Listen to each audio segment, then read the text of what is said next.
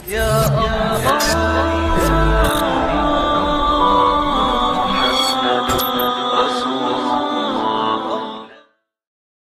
الحمد لله نحمده ونستعينه ونستهديه ونستغفره ونعوذ بالله من شرور أنفسنا ومن سيئات أعمالنا. من يهد الله فلا مضل له ومن يضلل فلن تجد له وليا مرشدا. أشهد أن لا إله إلا الله وحده لا شريك له وأشهد أن محمدا عبده ورسوله. اللهم صل وسلم وبارك وأنعم على رسولنا شفيعنا وإمامنا وسيدنا محمد صلى الله عليه وسلم. وعلى آله وأصحابه ومن تبعه بإحسان إلى يوم الدين. اللهم أصلح شباب المسلمين. اللهم أصلح لنا أمورنا الذي إليها. اللهم أصلح لنا ديننا الذي هو عصمة أمرنا ودنيانا التي فيها معاشنا وآخرتنا التي إليها معادنا. أما بعد teman-teman muda yang dirahmati Allah Subhanahu wa taala sungguh sangat bahagia saya eh, malam hari ini malam mingguan dengan antum semua di tempat yang paling mulia di muka bumi ini. Saya tahu bahwa antum semua adalah orang-orang mulia, orang-orang baik. Karenanya antum antum memilih tempat yang mulia ini di saat anak-anak muda lain memilih yang lain. Karenanya saya tahu bahwa teman-teman semua adalah merupakan air jernih gemericik yang luar biasa. Tapi Ustadz Maman sudah menjelaskan pada antum tadi bahwa anak muda seharusnya adalah kekuatan. Karenanya antum harus berpikir bagaimana air yang jernih itu menjadi kekuatan. Karena kalau air keluar dari mata airnya, dia gemericik keluarnya, bahkan langsung bisa diminum menghilangkan dahaga, sehat sekali, sejuk sekali. Tapi itu belum jadi kekuatan. Bagaimana supaya air jadi kekuatan? Air itu kalau memunculkan kekuatannya, Pak. Itu gedung yang paling kokoh sekalipun bisa dia bawa. Siapa yang yang mengatakan bahwa apa yang dibangun manusia ini kuat, itu kalau ada air yang air ini air air depan saya ini air, Pak. Antum tuangkan cuma bisa untuk minum. Jadi air jernih, air yang bagus. Seperti antum semua. Tapi dia belum jadi kekuatan. Kalau antum pengen lihat air jadi kekuatan, antum lihat tsunami. Itu air punya kekuatan amat dahsyat. Kalau sudah menggulung air, tidak ada yang bisa matikan. Dan antum tahu bahwa Allah Subhanahu wa taala mengadab kaum Nabi Nuh juga dengan air saja. Cuma dengan air. Pertemuan antara air langit dan air bumi. Karenanya kalau anak muda tadi oleh Ustaz Maman dijelaskan bahwa anak muda itu kekuatan, Mestinya begitu, gabungan antara kejernihan dan kekuatan. Ya, maka dari itu tidak bisa kalau antum pengen menjadi kekuatan nggak bisa sendiri-sendiri. Kalau sendiri cuma air buat diminum, dia jernih, bagus, masya Allah. Memberi manfaat, ya, memberi manfaat. Tapi untuk kekuatan yang dimau oleh Quran belum. Nah sekarang antum tahu? Itu air tsunami itu berapa gelas kalau digelasin? Kan? Nah segitu banyaknya antum harus kumpul. Kumpul dalam satu gerak yang sama, ah itu nggak ada yang yang bisa berdiri kokoh di hadapan antum semua. Paham ya? Baik. Makanya bahagia sekali malam hari ini dengan diprakarsai teman-teman pemuda istiqomah. Semoga antum semua menjadi pemuda yang istiqomah. Teman-teman dirahmati Allah Subhanahu wa taala, sekali lagi mudah-mudahan uh, ini bisa bersama-sama. Nanti dengan guru kita Ustaz Maman untuk eh, mari kita kita ubah kita ubah kejernihan ini menjadi kekuatan dan itu perlu proses, perlu waktu, perlu belajar, perlu kurikulum, perlu kesabaran. Baik eh, teman-teman dirahmati Allah, saya hanya menambahi sedikit saja karena sudah banyak lengkap disampaikan oleh Ustaz Maman. Barang yang sudah lengkap kalau ditambahi lagi malah jadi kurang. Gitu. Ya, makanya saya nggak banyak-banyak nambahinya. E, jari saya lengkap ada lima, itu lengkap. Kalau ditambahi satu malah kurang. Betul kan? Jadi kok enam itu berarti ke, dia kekurangan dia. Baik, e, teman-teman rahmati Allah. Saya langsung saja pada pembahasan tentang e, Salahuddin Al-Ayyubi dan Muhammad Al-Fatih karena itu judul yang diberikan pada kami eh, yaitu Salahuddin Al-Ayyubi rahimahullah taala dan Muhammad Al-Fatih sebagai dua potret pemuda dan pemimpin. Tapi saya ingin berikan dulu datanya pada antum semuanya perbandingan dari dua orang itu saya kasih datanya supaya antum bisa bandingkan. Ya. Teman-teman yang baik dirahmati Allah. E, pertama sebelum saya sampaikan datanya bahwa kita ini bersyukur karena kita oleh sejarah Islam disuguhi potret-potret yang mudah untuk ditiru. Jadi sosok-sosok istimewa itu itu adalah merupakan potret yang Allah hadirkan supaya generasi zaman ini supaya generasi zaman ini mudah untuk menirunya.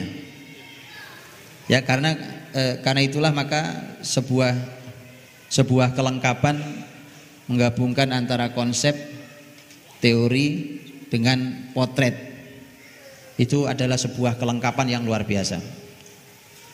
Ustaz Maman sudah banyak menyampaikan teori dan beberapa contohnya. Saya tidak menyampaikan teori saya cuma langsung masuk pada potretnya. Pada sosoknya supaya kita langsung dapat juga sosoknya. Nanti antum tinggal cocokkan dengan materi yang disampaikan Ustaz Maman. Nah teman-teman dirahmati Allah subhanahu wa ta'ala Ini kekurangannya kekurangannya dunia barat.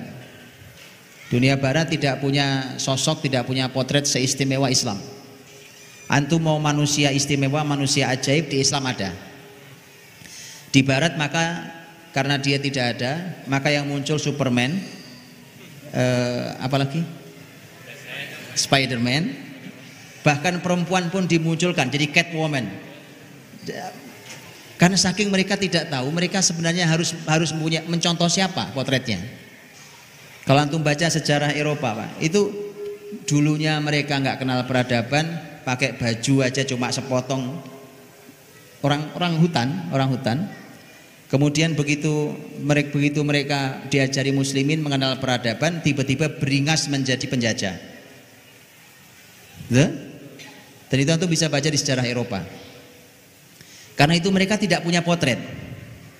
Akhirnya mereka sulaplah sosok-sosok yang sebenarnya berlumuran darah, tiba-tiba menjadi sosok pahlawan. Muslimin nggak perlu itu semua. Karena muslimin ini melimpah ruah tokoh besar, mengagumkan, ajaib, yang kalau antum baca bahkan tidak ada hari ini orang kayak begitu. Tapi bukankah mereka juga manusia biasa sebagaimana kita manusia biasa? Bukankah mereka muslim kita juga muslim? Mereka sholat kita juga sholat. Quran kitab suci kiblat kita sama. Maka mestinya kita berbuat sama. Itu hebatnya potret. Baik, mari kita bandingkan dua sosok istimewa, dua-duanya pemuda, dua-duanya pemimpin. Pemimpin di usia muda dan ada beberapa hal yang sama, ada beberapa hal yang beda. Teman-teman dirahmati Allah. Salahuddin Al-Ayyubi rahimahullah taala itu hidup, hidupnya di abad 6. Di abad 6 Hijriah. Adapun Muhammad Al-Fatih hidupnya di abad abad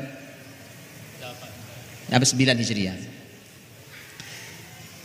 Jadi yang satu abad 6, yang satu abad 9, terpaut dua sosok yang kita bicarakan malam ini terpautnya tiga abad. Paham ya? Artinya teman-teman, tiga abad itu, ini Indonesia merdeka ini umurnya baru berapa? Belum seabad bahkan, bukan begitu? Belum seabad. Belum seabad, belum satu abad toh? Kurikulum pendidikan sudah ganti berapa kali? Betul apa enggak? Padahal yang menghasilkan orang-orang hebat itu kalau bukan kurikulum pendidikan apa? Ya kurikulum pendidikan itu menghasilkan. Kalau tiga abad terpaut antara Salahuddin dan Muhammad Al-Fatih rahimahumullah.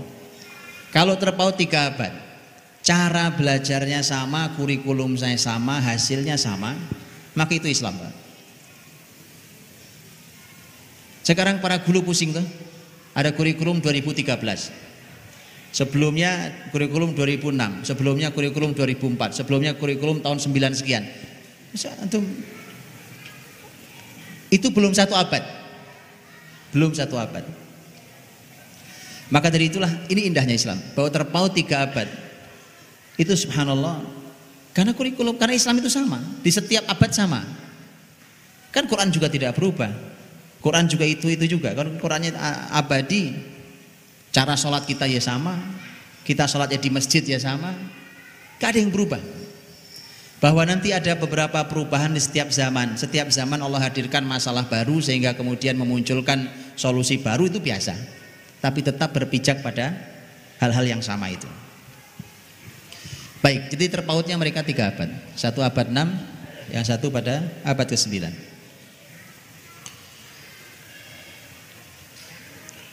Muhammad Al eh, Salahuddin Ayyubi lebih tua, lebih duluan zamannya. Salahuddin Al Ayyubi rahimahullah taala beliau menjadi pemimpin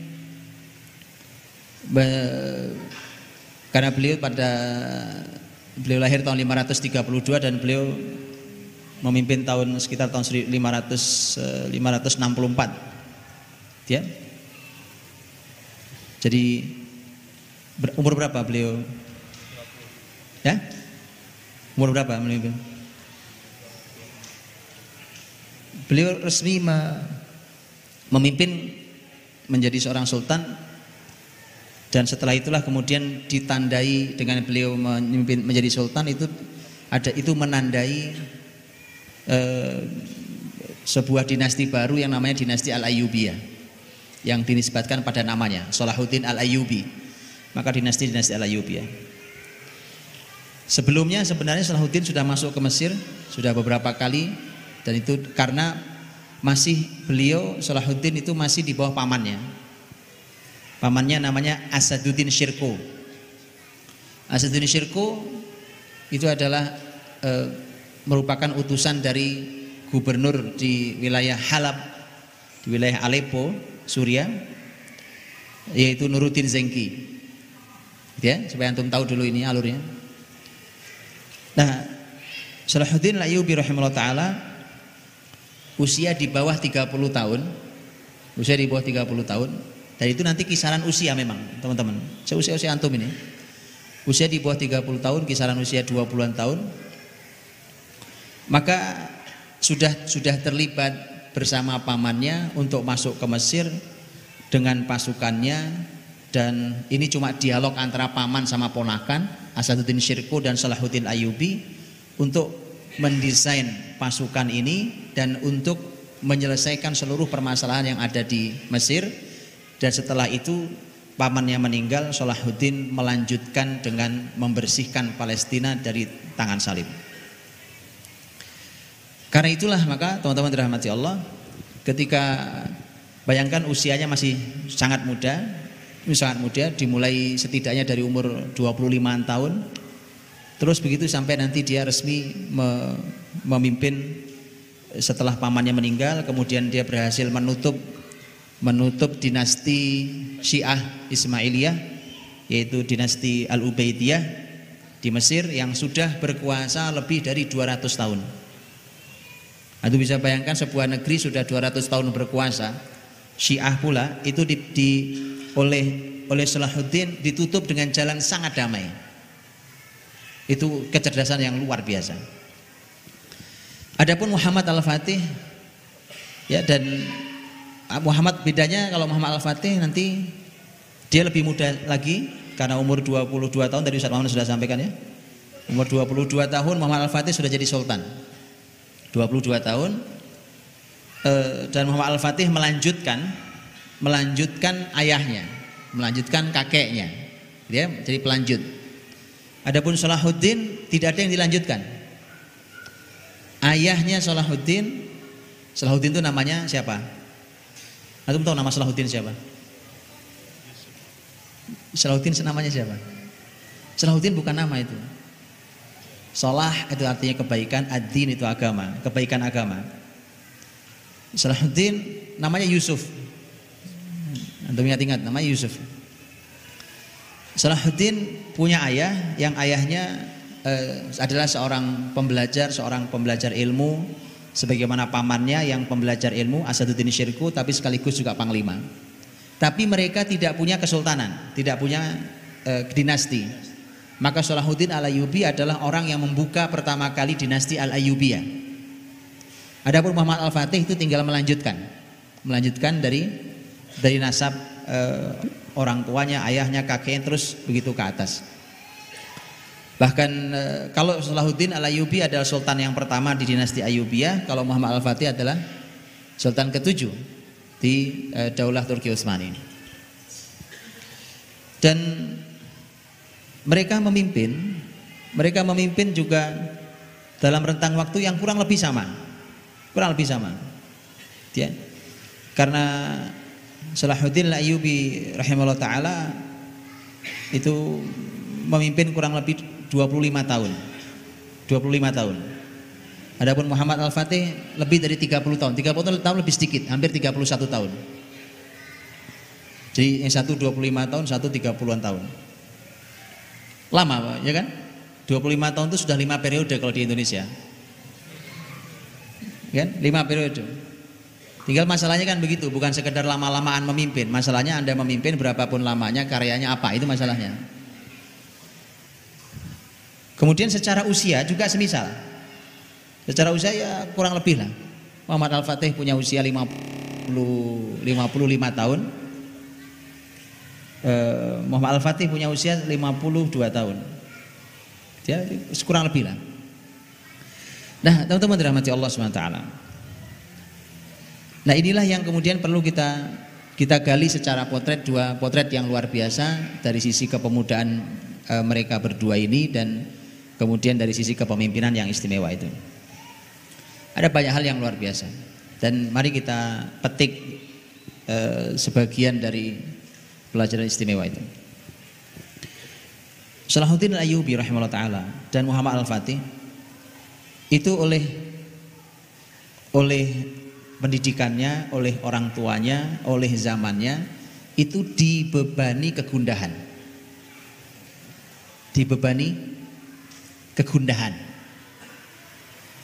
Makanya kalau anak muda begini tidak punya kegundahan, itu dia nggak akan besar, Pak. Tapi jangan jangan salah gundah ya. Antum salah galau salah. Jangan salah, apa yang antum pikirkan? Lihat.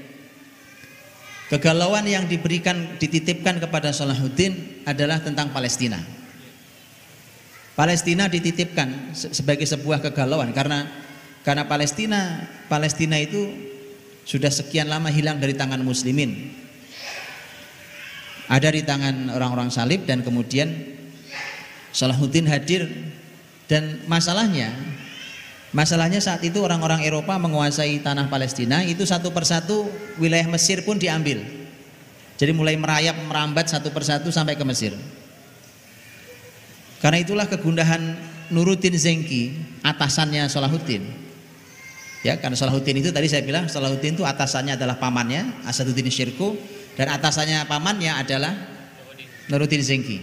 Nuruddin Zengki adalah gubernur di Aleppo yang nginduknya ke dinasti Bani Abbasiyah yang pusatnya di Baghdad, Irak. Paham ya? Kalau belajar sejarah antum harus membayangkan peta dari kota ke kota.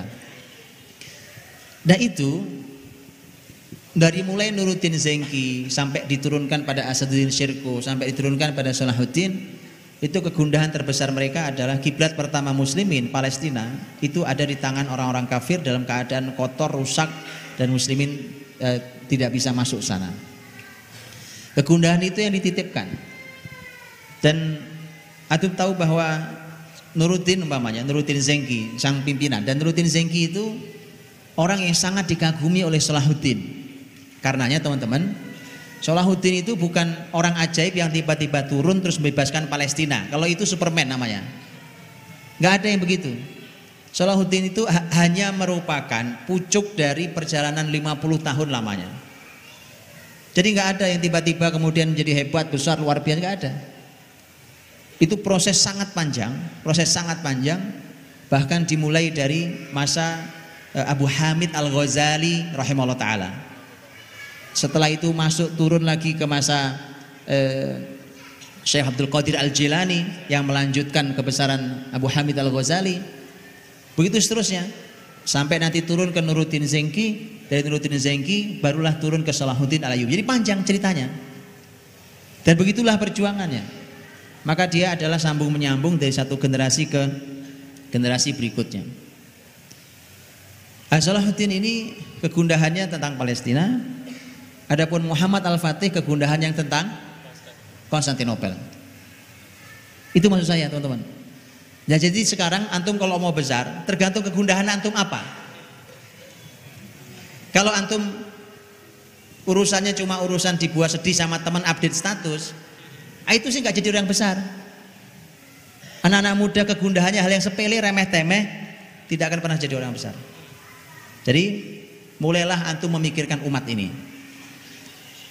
Seorang ahli tafsir mengatakan kalau ada orang yang mati sibuk mikirkan diri sendiri terus mati dia. Maka dia mati kerdil. Yang mati besar adalah orang yang meninggal dalam keadaan memikirkan umatnya. Itu anak muda. Pikirkan umatnya. Itu difikirkan sampai menjadi kegelisahan. Karena kegelisahan itulah yang akan mendorong dia untuk bergerak. Terus apa yang bisa saya lakukan? Untuk Salahuddin memikirkan bagaimana cara membebaskan Palestina, Muhammad Al-Fatih berpikir bagaimana bisa menembus benteng tebal Konstantinopel. Ayo sekarang antum mikirin apa sekarang itu ya. Jadi PR besar antum sekarang itu. Pikirkan sesuatu tentang umat ini, kemudian setelah itu sampai dia menjadi sebuah kegundahan yang menjadi pendorong energi. Energi antum akan berlipat-lipat untuk bergerak luar biasa. Ya jadi pikirkan ya, jangan yang sepele, jangan yang remeh. Wah urusan cuma nyari kerjaan aja kok galau. Urusan nyari pasangan aja kok galau. Enggak enggak menarik banget, Pak. Sangat tidak menarik anak muda yang dipikirkan cuma begituan. Bukan itu tidak penting. Bukan itu tidak penting, teman-teman. Pekerjaan buat laki-laki apalagi penting. E, pasangan apalagi juga sangat penting. Tapi lihat itu. Anda harus teman-teman harus sudah segera selesai di urusan pribadi agar segera bisa mengurusi umat ini. Karena kalau antum saja belum selesai ngurusi diri sendiri, bagaimana ngurusi orang lain? Kalau belum selesai memikirkan diri sendiri, bagaimana memikirkan umat ini? Paham ya? Jadi itu titik kesamaan antara Salahuddin dan Muhammad Al-Fatih. Dan tidak sederhana, teman-teman. Yang difikirkan itu sebesar itu. Anak muda, Zaman itu kan orang juga mikir apa yang bisa dilakukan oleh seorang anak muda Salahuddin. Oh Salahuddin itu aslinya orang Tikrit, orang Irak. Pak. Dari Irak pindah ke Aleppo, ke Halab, Suria. Dari Suria kemudian masuk ke Mesir. Dari Mesir membebaskan Palestina. Dan ajaib Salahuddin itu, teman-teman dirahmati Allah. Itu membebaskan Palestina tahun berapa? Lah, tahun berapa membebaskan? Di perang Hittin tahun 583. 583 Hijriah. Salahuddin meninggal tahun berapa? 589. Atau bisa bayangkan ada orang yang hidup dengan kegundahan terbesarnya, kemudian berhasil dia berhasil dia menjalankan kebesaran cita-cita untuk membebaskan Palestina. Gak lama setelah itu meninggal, Pak. Jadi seakan Salahuddin dihadirkan Allah hanya untuk bebaskan Palestina, kemudian cukup tugasmu sampai di situ, kembalilah kepadaku. Ya ya Tuhan nafsul mutmainnah irji'i ila rabbiki radiyatan mardiyah fadkhuli fi ibadi wadkhuli jannati. 583 dia usir keluar pasukan Salim. 589 beliau meninggal. Karena itulah maka ketika Muhammad Al-Fatih berhasil membuka Konstantinopel kan? Tahun? Tahun berapa? Ah 857 857 Hijriah tapi meninggalnya masih lama. Meninggalnya masih lama. Ya sempat salah sempat maaf sempat Muhammad Al-Fatih sempat berpikir untuk untuk istirahat dari kepemimpinan. Karena sudah cukup. Apa yang apa yang dia inginkan kegelisahan selama ini yang tidak bisa ditembus oleh muslimin selama delapan abad lamanya. Dan antum lihat ini kan sebenarnya berawal dari kalimat Rasul SAW kan tentang Konstantinopel itu. Karena Nabi menyampaikan tentang hal itu, Konstantinopel itu, teman-teman. Maka sahabat ketika menyampaikan hadis Nabi itu, itu semua ikut memeras otak Gimana caranya kita menguasai Konstantinopel? Tapi Nabi kita sudah sampaikan. Itu pasti akan jatuh di tangan muslimin. Cuma benteng itu terlalu kuat. dan itu sebuah kekuatan besar. Eropa kekuatan besar separuhnya setidaknya ada di wilayahnya Kristen Ortodoks, sebelahnya separuhnya kurang lebih ada di Kristen Katolik, Roma. Jadi antara Konstantinopel dan Roma. Karenanya sahabat pun itu Nabi bersabda, sahabat itu juga sudah nyoba.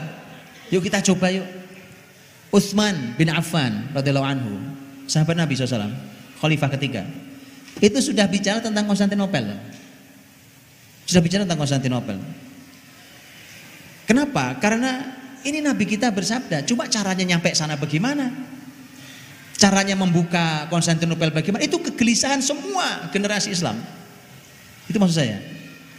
Sampai Utsman menduga, lihat dugaan sahabat Utsman. Lihat dugaannya, dugaannya beliau mengatakan begini. Kata Utsman, Konstantinopel itu rasanya akan dibuka melalui Andalusia itu melalui jalur selatan itu. Makanya siapa pun yang nanti ikut andil membuka Andalusia, dia akan mendapatkan pahala membuka Konstantinopel. Itu prediksinya. Tapi ternyata ternyata masuknya bukan lewat situ. Ternyata masuknya bukan lewat barat tapi lewat lewat timur. Nah di teman-teman rahmati Allah, karenanya ketika antum baca nanti biografinya eh, tabiin luar biasa yaitu Abdurrahman Al-Ghafiqi rahimahullah taala. Abdurrahman Al-Ghafiqi rahimahullah taala itu pemimpin Andalus yang dahsyat luar biasa. Eh, itu itu baru jadi di, baru di kisaran sekitar tahun eh, 114 Hijriah. 114 Hijriah. 114 Hijriah itu Islam Islam sudah sampai ke Perancis. Perancis Selatan. Melalui jalur melalui tangan sediantaranya adalah pemimpin hebat dan itu tabi'in yaitu Abdurrahman Al-Ghafiqi rahimahullah taala. Abdurrahman Al-Ghafiqi kenapa ingin betul dari mulai dari mulai Spanyol masuk ke Portugal kemudian masuk ke eh, Perancis dan kurang lebih hanya sekitar 30 kilo menjelang Paris itu Islam tuh. Itu tahun 114 sudah sampai sana. It, kenapa? Karena tadi setiap zaman membawa kegundahan itu. Kenapa? Dia mau masuk ke kedua kota yang dilewatinya. Karena setelah Prancis adalah Itali dan di sana ada Roma. Setelah Roma adalah Konstantinopel. Tapi semua orang tahu Konstantinopel duluan sebelum Roma. Maksud saya adalah teman-teman generasi Islam itu itu kegelisahannya. Nah, itu kegelisahannya. Kalau babnya hanya handphone gak ada pulsanya nggak usah gelisah-gelisah amat. Ya, jadi sekali lagi mohon teman-teman mengubah cara berpikirnya, antum naikkan kualitas kegelisahannya, gelisah memikirkan umat ini. Mak itulah e, kegelisahan seorang Muhammad Al-Fatih, apalagi itu memang sengaja dimasukkan. Jadi kegelisahan itu bukan tiba-tiba hadir. Dia sengaja dimasukkan. Ini bedanya antara kegelisahan yang membahayakan dengan kegelisahan yang menghasilkan positif, hal yang positif. Itu sengaja dimasukkan. Baik Salahuddin ataupun Muhammad Al-Fatih. Muhammad Al-Fatih juga begitu. Karena antum tahu bahwa, bahwa dari mulai kakeknya, bapaknya, ibunya, gurunya semua memasukkan pesan tentang Konstantinopel.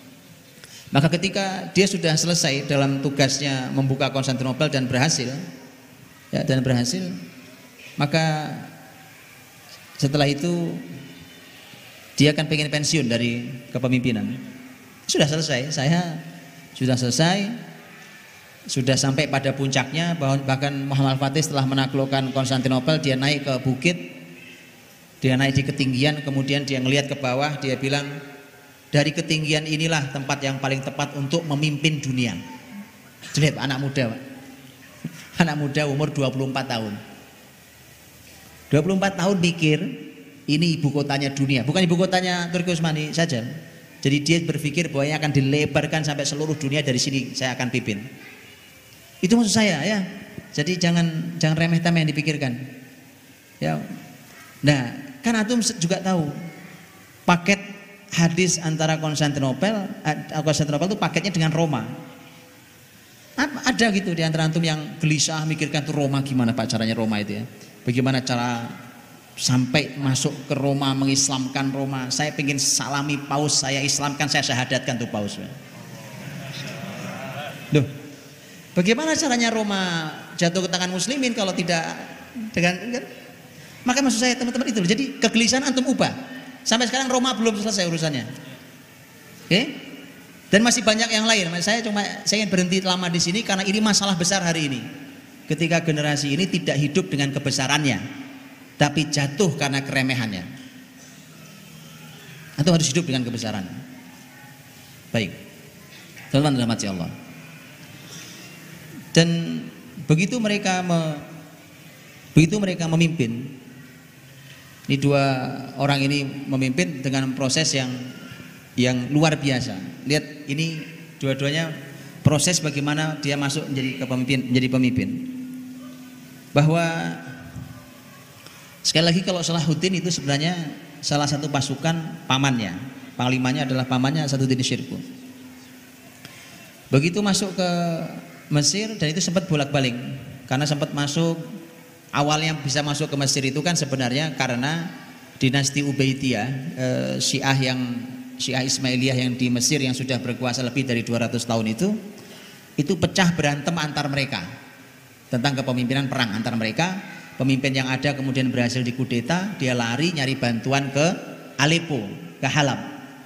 Nuruddin Zengki dimintai bantuan senang banget, ah ini waktunya. Karena sudah lama dia ingin masuk ke, ke Mesir, karena sudah mendengar bahwa Mesir keadaannya payah, satu persatu wilayah malah diambil oleh orang-orang salib yang ada di Palestina, karena Palestina Mesir kan berbatasan kan, dan seterusnya. Maka ini kesempatan, mumpung ada yang minta bantuan dan dia nggak orang sembarang, dia pemimpinnya Ubaidiyah, salah satu pemimpin Ubaidiyah. Maka itulah mengapa Asaduddin Syirko diberangkatkan dengan dikontrol betul oleh Nuruddin Zengki, kemudian diberangkatkan dan eh, Asaduddin Syirko menjadikan ponakannya itu Salahuddin Al-Ayyubi sebagai orang yang paling diajak bicara tentang masalah strategi pasukan. Begitulah sampai kemudian e, prosesnya sampai pamannya nanti meninggal, karena nanti ada bolak-balik berkali-kali karena ternyata orang yang minta bantuan itu e, itu kemudian begitu menang, menang, akhirnya menang, berhasil ngambil ke, ke apa kursinya lagi, tapi setelah itu ya khianat lagi. Nah, itu itu gak aneh, itu biasa. Biasa. Kalau kalau Syiah begitu tuh gak aneh dalam sejarah. Sangat tidak aneh. Antum baca sejarah dan tidak akan diperdebatkan karena sejarah punya catatannya. Dibantu, kemarin kan minta bantuan, datang dibantu, bantu dimenangkan. Begitu menang, berkhianat kepada yang bantu. Begitu, tapi ya begitulah muslimin itu masya Allah hatinya muslim itu lapang ya lapang punya penuh strategi begitulah sampai kemudian begitu Asaduddin Syirko berhasil masuk dan kemudian akhirnya berhasil juga masuk menguasai itu sampai kemudian eh, akhirnya Salahuddin Asaduddin Syirku Salahuddin nanti dekat dengan uh, pemimpin tertinggi uh, dinasti Ubaidiyah Syiah Ismailiyah itu. Kemudian nanti menjadi semacam penasihatnya semacam menterinya. Itu prosesnya sampai nanti Salahuddin dengan strategi yang cukup panjang eh, sebenarnya tidak terlalu panjang sebenarnya karena hanya perlu Eh, tiga tahun. Salahuddin itu punya strategi dari mulai masuk dekat dengan sang pemimpin tertinggi sampai e, menutup dinasti Syiah yang sudah 200 tahun lebih dengan cara sangat damai, tak ada gejolak, dengan strategi yang sangat luar biasa canggih, itu hanya perlu waktu tiga tahun. Jadi dinasti 200 tahun ditutup dalam tiga tahun. Anak muda tuh gitu teman-teman. Ya antum pikirin ya kalau kalau antum cuma gelisah mikirkan tentang ini gimana ya negara rusak amat. Ya gitu jangan cuma mikir begitu doang. Antum buat strateginya. Ini kan belum lama umurnya kan. Maksud saya perbaiki. Ini amanah besar, bukan dalam rangka apa-apa. Karena Mesir saat itu dalam kerusakan yang luar biasa. Mesir dalam kerusakan luar biasa. Satu persatu wilayahnya diambil oleh orang-orang kafir, kemudian persis seperti zaman kerusakan mana pun, itu harta itu berserakan di dalam istana tetapi rakyat sengsaranya luar biasa dengan himpitan pajak yang luar biasa Semua zaman sama. Atau mau baca dinasti mau Persia, mau Romawi, mau sama. Karenanya nanti itulah yang nanti salah satu strategi ekonomi yang dilakukan oleh Salahuddin atas prakarsa pemimpin tertingginya yaitu Nuruddin Zengki. Di antaranya ada tadi membuat masyarakat ini nyaman dengan menghilangkan himpitan pajak.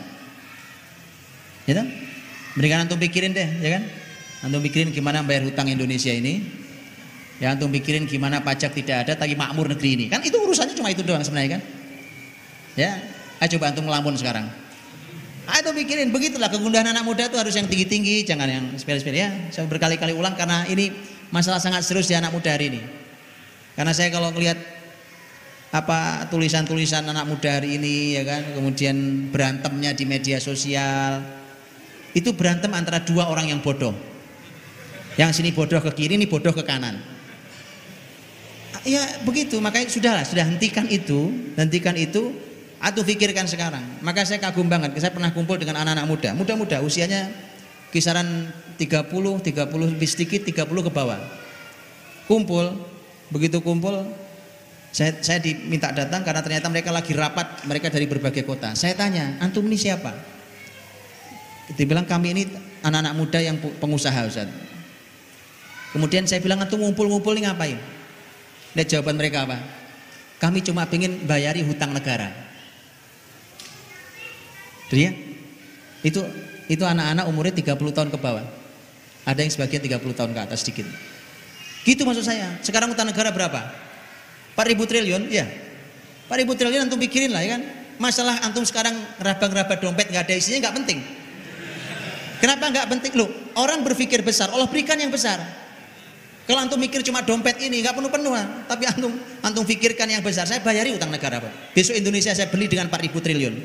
Saya punya uang 4000 triliun, serahkan negeri ini, saya bayari gratis negeri ini. Baik, gitu loh teman-teman. Mikir yang besar ya.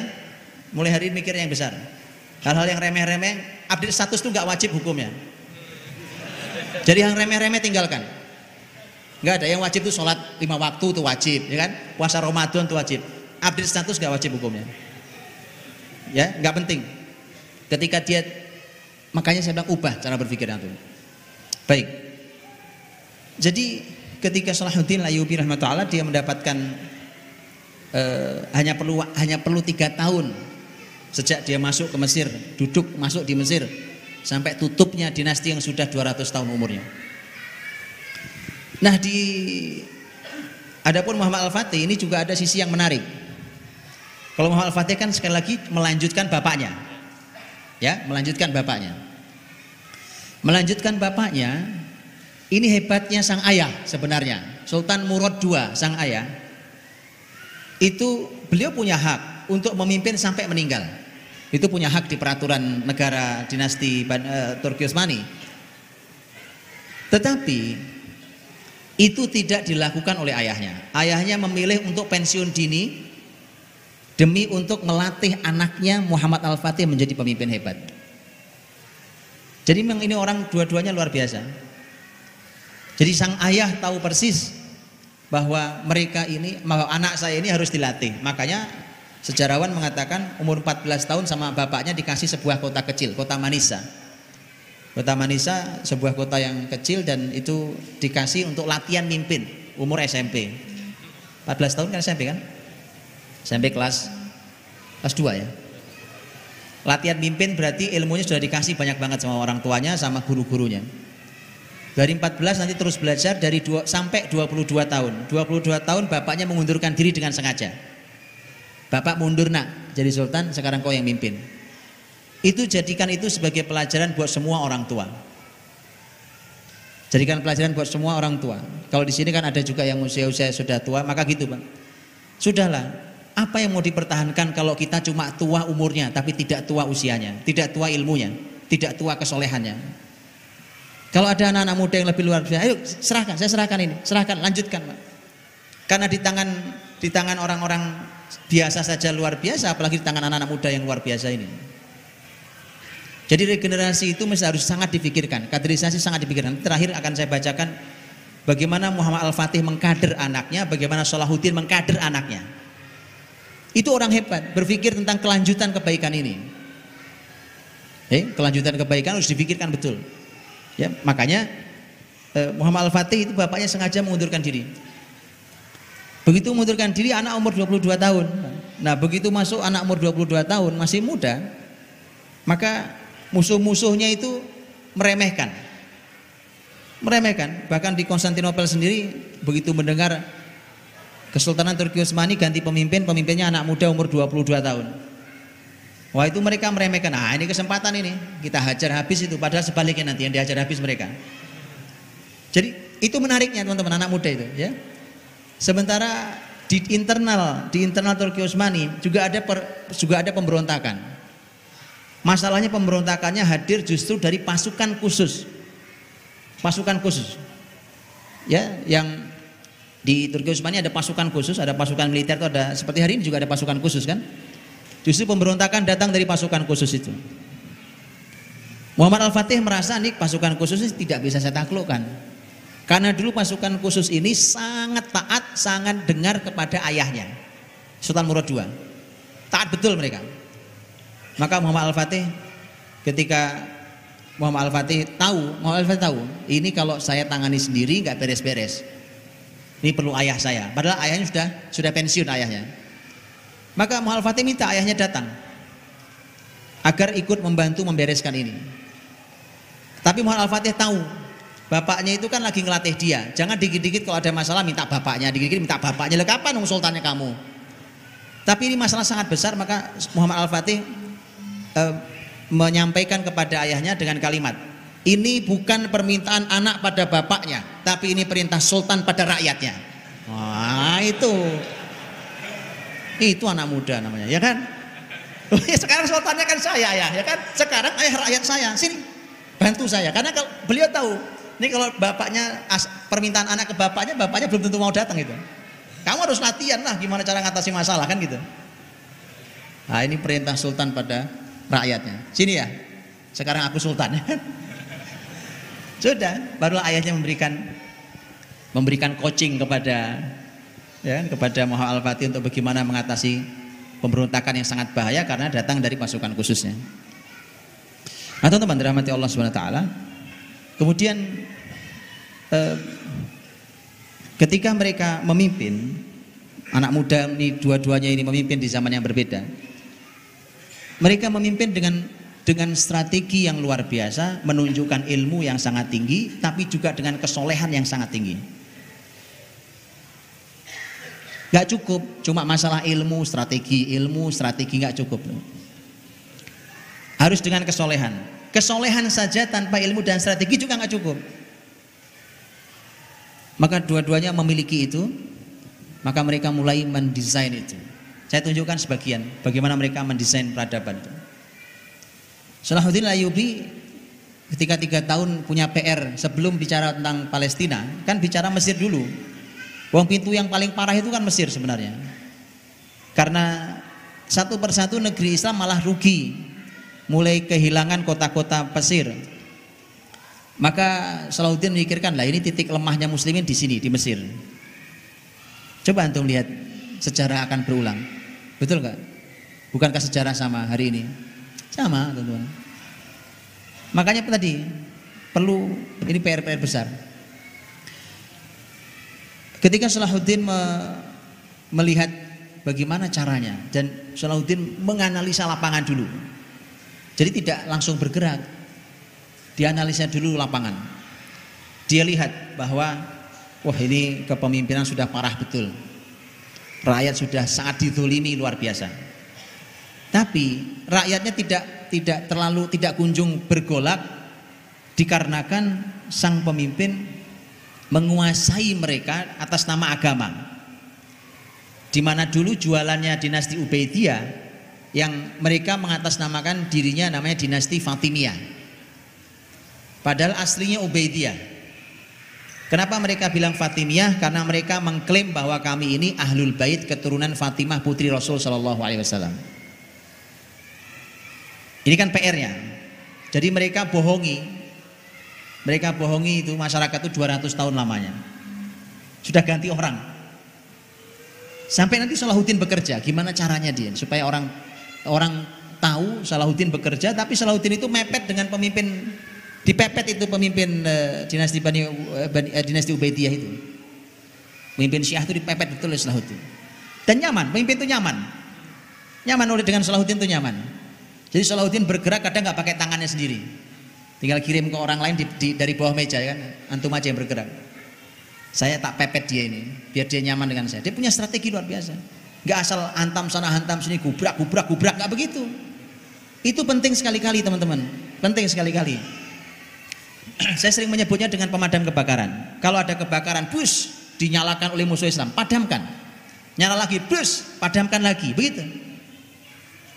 Muslimin memadamkan itu. Tapi jangan semua jadi pemadam kebakaran. Masa ada satu negeri isinya petugas pemadam kebakaran semua? Jangan semua. Karena kalau antum sibuk memadamkan api, kapan antum membangunnya? Itu masalahnya. Jadi tolong bagi tugas. Ya, bagi tugas. Maka harus diilmui dulu. Salahuddin analisa betul di lapangan.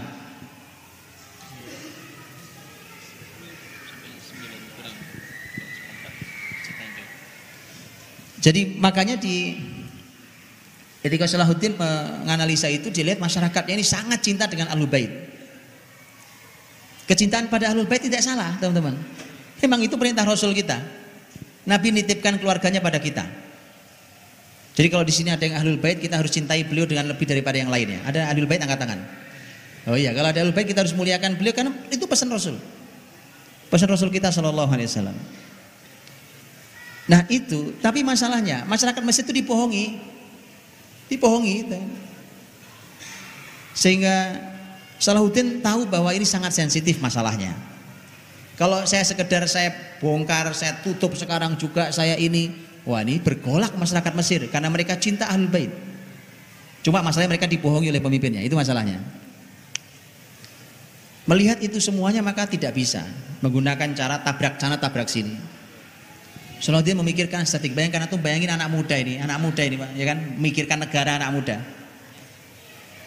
maka dia harus punya strategi. Karenanya ketika perintah dari Aleppo datang, dari Halab, dari Nuruddin Zengki datang perintah pada Salahuddin agar kamu wahai Salahuddin segera meminta kepada para khotib Jumat di mimbar-mimbar agar berdoa un untuk dinasti untuk khalifah dinasti Bani Abbasiyah. Teman-teman begini, dulu mimbar Jumat, khutbah Jumat itu itu khutbah yang yang salah satunya akan mendoakan dalam setiap khutbah itu akan berdoa untuk pemimpin tertinggi sebagai bentuk ketaatan dan bayat. Umpamanya Mesir, kan pusatnya di Irak jauh banget, pusat kekhilafan Islam di Irak di Baghdad. Nah Mesir untuk menyatakan bahwa kami masih taat setia kepada pemimpin tertinggi di Irak sana, maka di khutbah-khutbah Jumat ahli ilmu itu akan mendoakan nanti di akhir khutbahnya akan berdoa untuk khalifah muslimin yang ada di di Baghdad. Itu selalu begitu. Ya kan? Dan makanya di makanya di beberapa negara hari ini itu berlakunya begitu dan itu baik. Nah, cuma kan di negeri ini malah khotib-khotib Jumat mencaci maki pemimpinnya ya kan?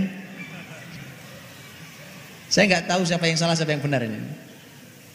Tapi ala kulit teman-teman, Nurutin Zengki keluarkan perintah itu. Sudah, sekarang Salahuddin kalau sudah masuk, sudah mepet kepada pemimpin tertinggi itu, kamu sudah di, menjadi orang besar, artinya orang yang dianggap oleh uh, pemimpin di, uh, dinasti Bani uh, dinasti Ubaidiyah ini. Maka Nuruddin minta agar segera mimbar-mimbar di Mesir berdoa untuk khalifah Bani Abbas ya. Tapi apa jawaban Salahuddin? Salahuddin mengatakan untuk yang ini saya minta maaf. Saya tidak bisa menjalankan perintah yang ini. Ini perintah atasan. Kenapa? Tadi Salahuddin melihat bahwa ini kalau langsung sekarang juga maka masyarakat Mesir akan bergolak luar biasa. Karena dengan itu maka otomatis itu sebuah pengumuman bahwa dinasti Ahlul Bait yang mereka klaim itu tutup. Ganti dengan dinasti Bani Abbasiyah dan masyarakat yang sangat cinta Ahlul Bait itu maka akan marah besar, akan sangat marah besar. Bagaimana ceritanya kecintaan kami ini ditutup? Dengan itulah maka Salahuddin tidak menggunakan cara itu. Dia minta maaf kepada peting, eh, kepada atasannya Nuruddin Zengki agar kami saya tidak jalankan.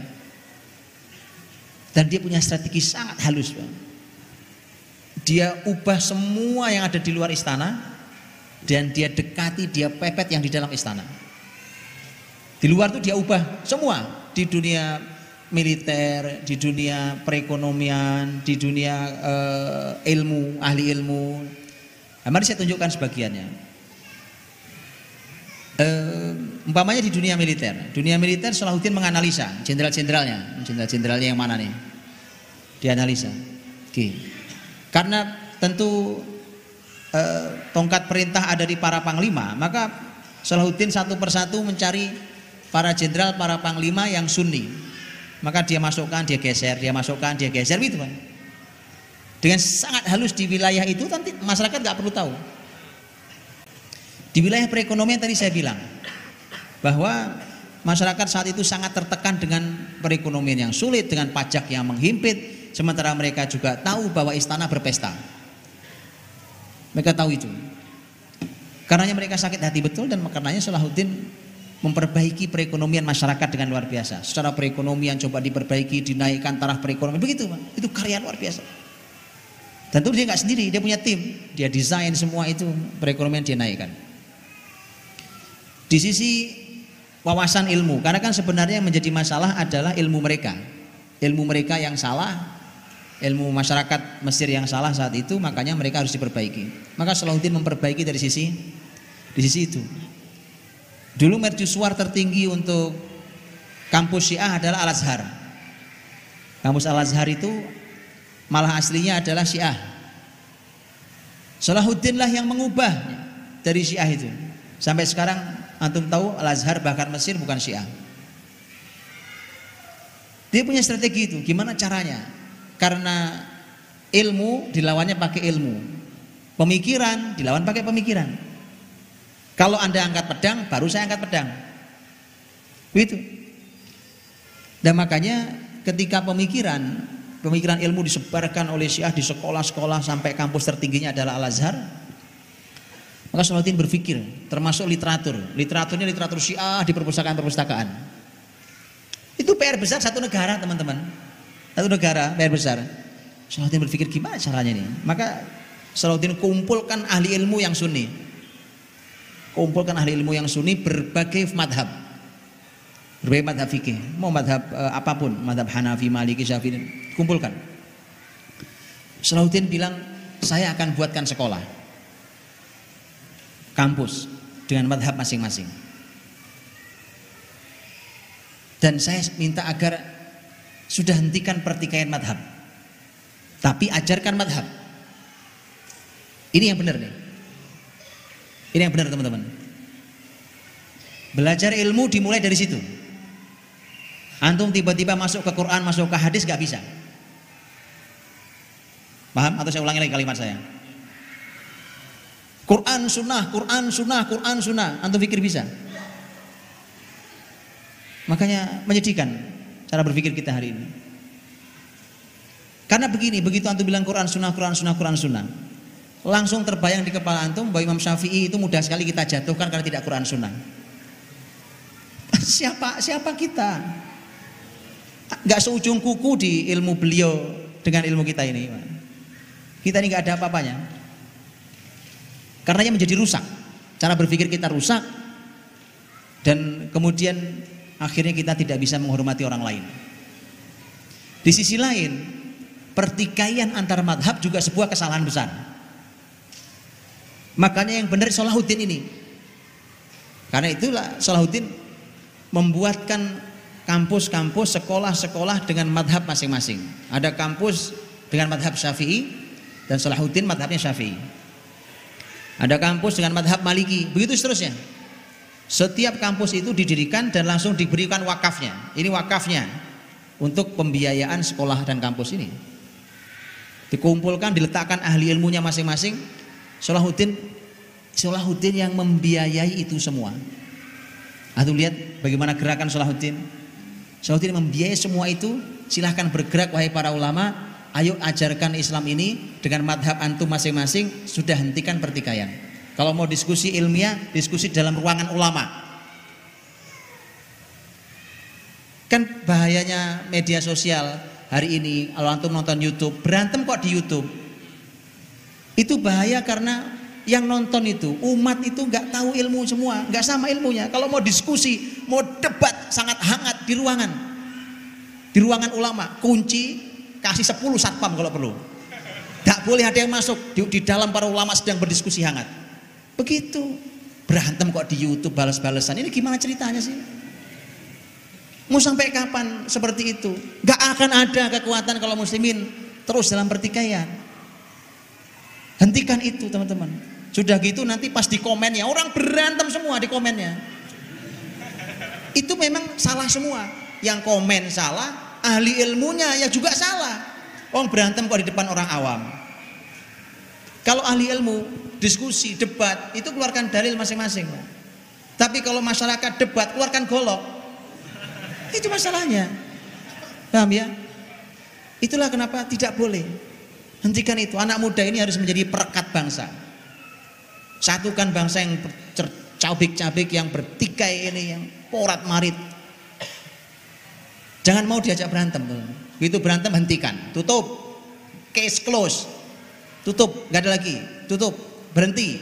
Sampai di sini, cut, nggak gitu. Anak muda gitu. Rekatkan seperti Salahuddin merekatkan para ulama itu. Ayo masing-masing didanai, dibuat serius dan nanti masing-masing menjadi sekolah besar, kampus-kampus besar dengan pendanaan yang luar biasa. Antum boleh baca dalam sejarah e, pendidikan Islam dan sejarah wakaf. Itu karya yang dahsyat yang dilakukan oleh Salahuddin sampai akhirnya kemudian Salahuddin menutup sementara Al Azhar. Nah, bisa ditutup. Penyebar pemikiran Syiah tutup tutup. Begitu juga akses terhadap literatur dan seterusnya. Sampai itu kemudian bisa memperbaiki pemikiran masyarakat. Sadar bahwa oh ini toh Islam yang benar itu. Ya. Nah kalau sudah begitu kan sudah sederhana. Sudah sederhana. Nutup negaranya sederhana kan jadinya. Didekatilah pemimpinnya itu. Dipepet betul dan pemimpinnya juga nyaman dengan Salahuddin. Karena Salahuddin menunjukkan kesetiaan menunjukkan bahwa saya bukan musuh. Saya setia. Antum bisa bayangkan. Salahuddin yang jelas ingin menutup dinasti Ubaidiyah yang Syiah itu, itu waktu sang pemimpin sakit dan meninggal. Itu Salahuddin sangat sedih. Antum bisa bayangkan. Harusnya kan nggak sedih kan? Harus dibilang alhamdulillah mati juga nih orang. Tapi kan tidak terjadi. Kenapa? Kalau dia munculkan bentuk terima kasih syukurnya bahwa orang ini mati, Bergolak lagi masyarakat. Ini sudah dikit lagi tutup, dikit lagi. Jadi bayangkan antum perlu punya strategi, punya kesabaran yang luar biasa. Itu anak muda harus begitu, teman. Ditata betul dirinya. Karena masalahnya adalah Salahuddin itu punya ilmu tinggi itu masalahnya. Itu masalah. Jadi dia tahu persis bagaimana harus bertindak. Nah ketika ketika meninggal, itu lihat begitu meninggal Salahuddin sangat sedih. Bahkan bahkan masyarakat datang untuk mengucapkan bela sungkawa ke Salahuddin atas matinya pemimpin Syiah. Itu bisa bayangkan itu kan? Wah itu kalau hari ini sudah berantem itu di YouTube. Sudah berantem itu di Facebook ya kan? Gimana ceritanya orang bisa orang kafir mati masa sedih. Itu nggak paham strategi. Belajarlah, belajar pada sejarah. Salahuddin orang luar biasa. Apa karya kita? Salahuddin itu membebaskan Palestina. Ya,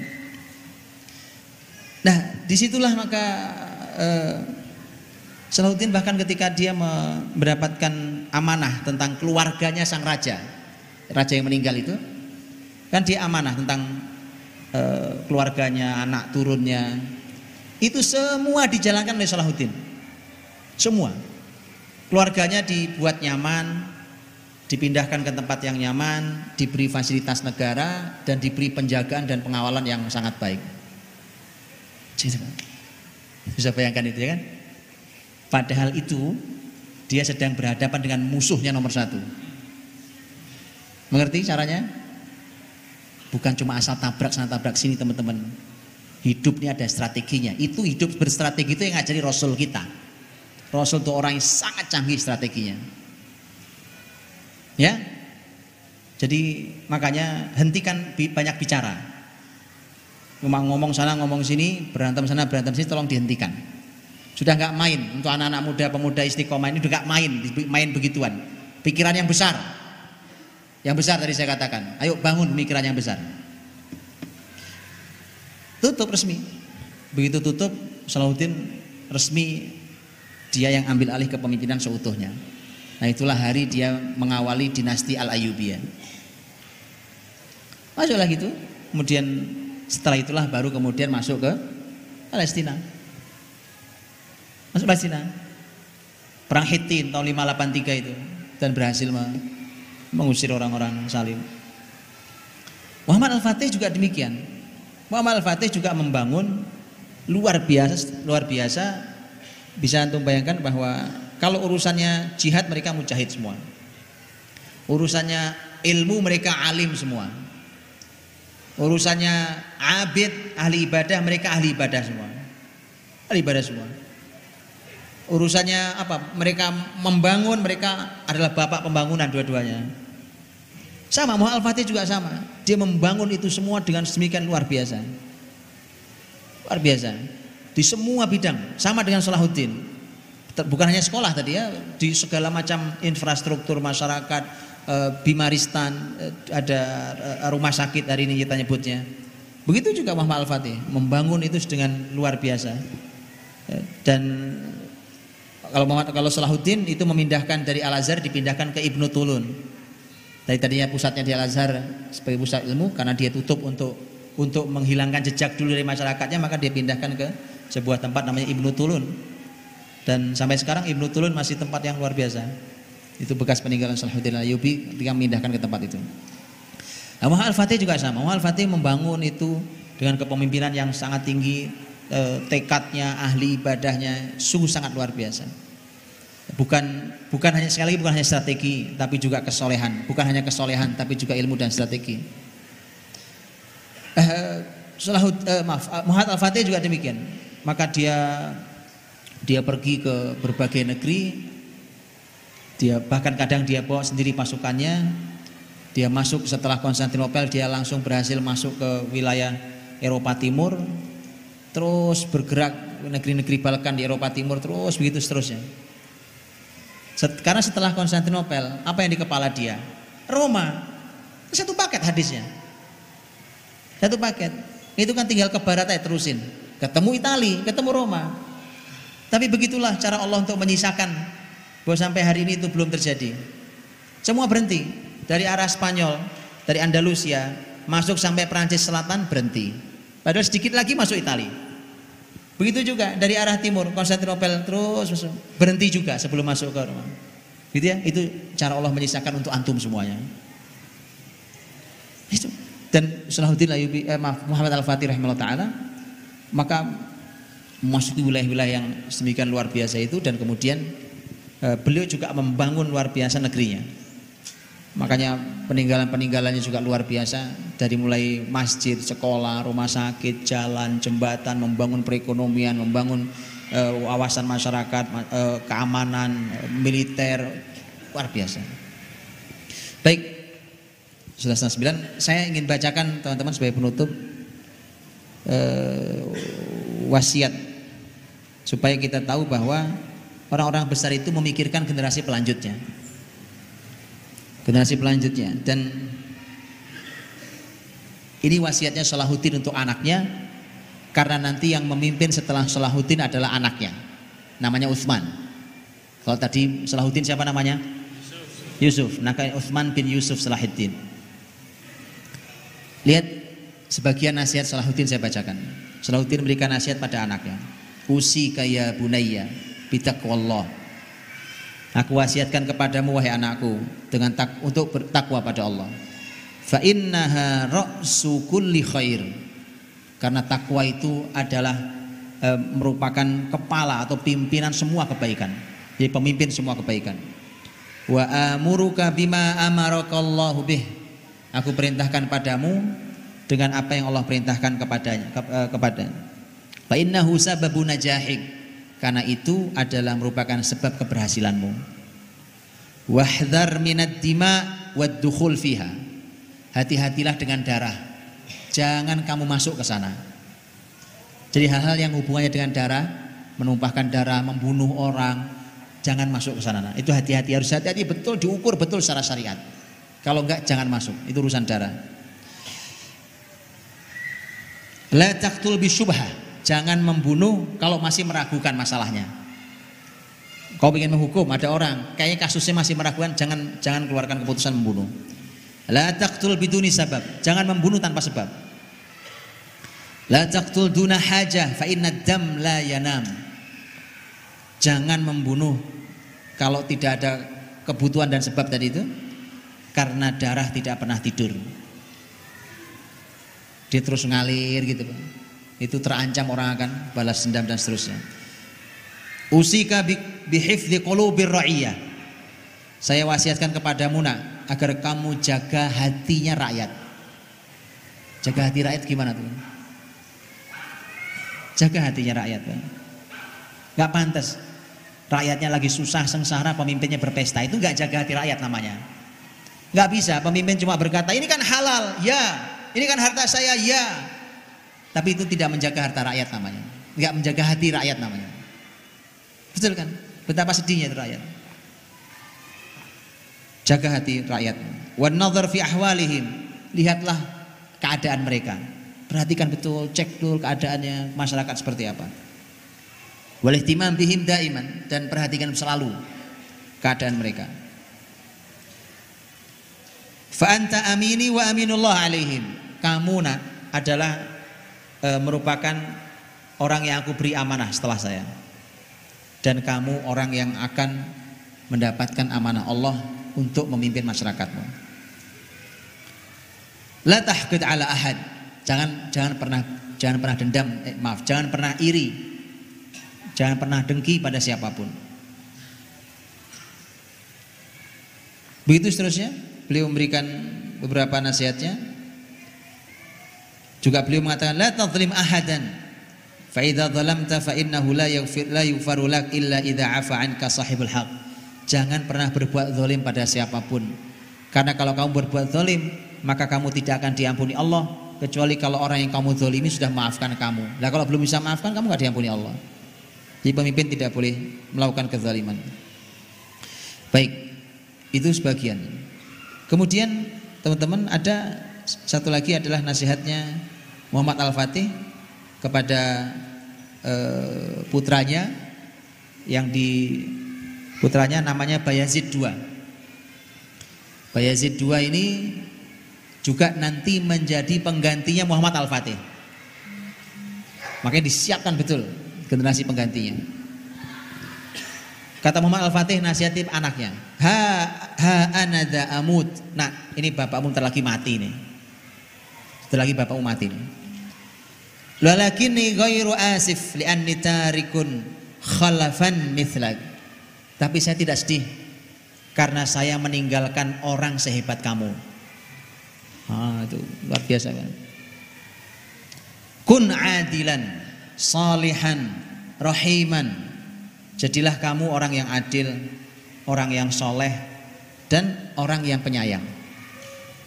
Wabsut ala ra'iyyatika himayataka biduni tamyiz. Dan e, lapangkan, jadi tolong dibuka selebar-lebarnya e, untuk rakyatmu dalam rangka melindungi mereka tanpa dibeda-bedakan satu sama lain. Semua lindungi rakyatmu. Wa amal ala nasrid dinil islami. Sebarkan agama Islam ini.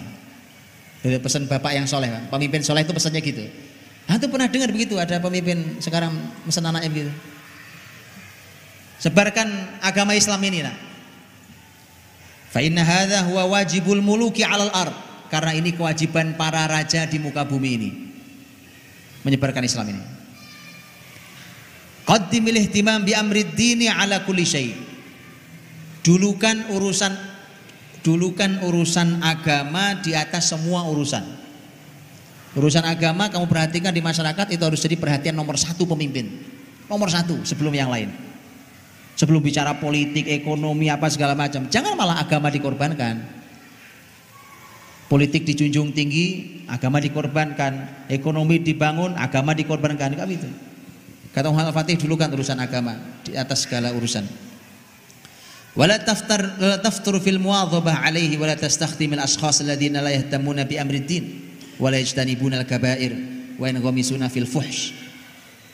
Jangan pernah merasa lelah. Jangan pernah merasa lelah, gitu Pak. Nasihati anak, jangan pernah merasa lelah untuk terus menjalankan hal itu. Jangan kamu angkat pemimpin, jangan kamu angkat pemimpin siapa pun itu yang tidak punya perhatian terhadap agama, tidak menjauhi perbuatan dosa besar dan menjalankan kekejian. Itu nggak pantas kamu angkat. Jadi kalau ada pemimpin nggak nggak ada kepedulian pada agama, jangan pernah diangkat. Wajani bil bid'ah mufsidah. Jauhilah urusan-urusan bid'ah yang merusak. Jauhi.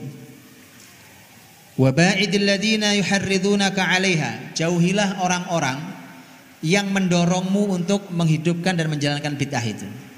Jauhi orang-orang yang seperti itu.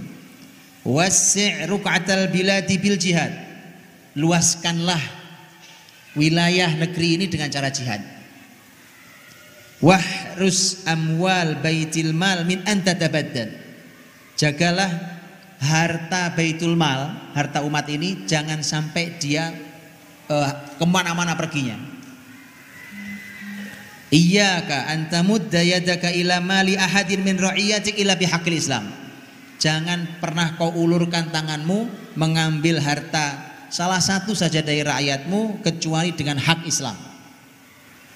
Watmun lil muawwizina quwwatahum wabdhul ikramaka lil mustahiqin jaminlah jaminlah kekuatan untuk orang-orang yang lemah dan muliakanlah uh, dan jagalah kemuliaan untuk orang-orang yang berhak.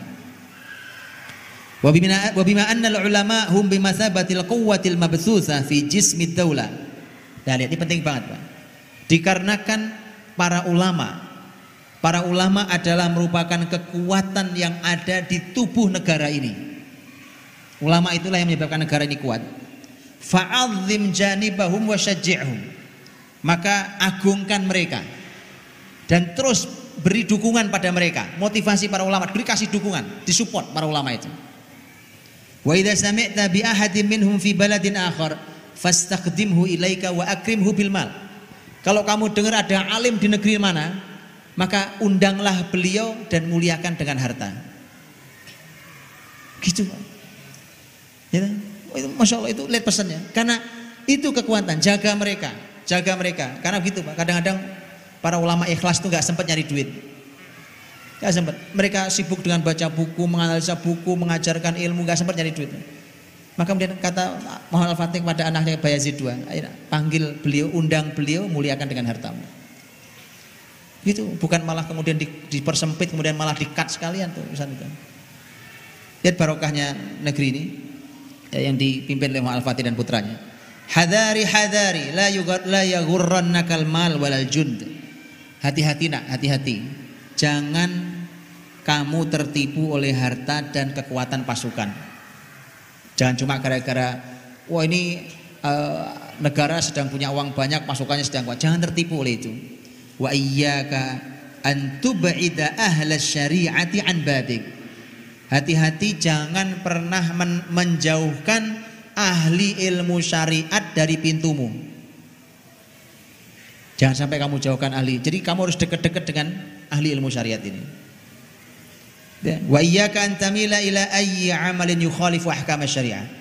Dan jauhilah dan jangan sampai kamu lebih cenderung untuk menjalankan untuk melakukan sebuah aktivitas yang bertentangan dengan syariat.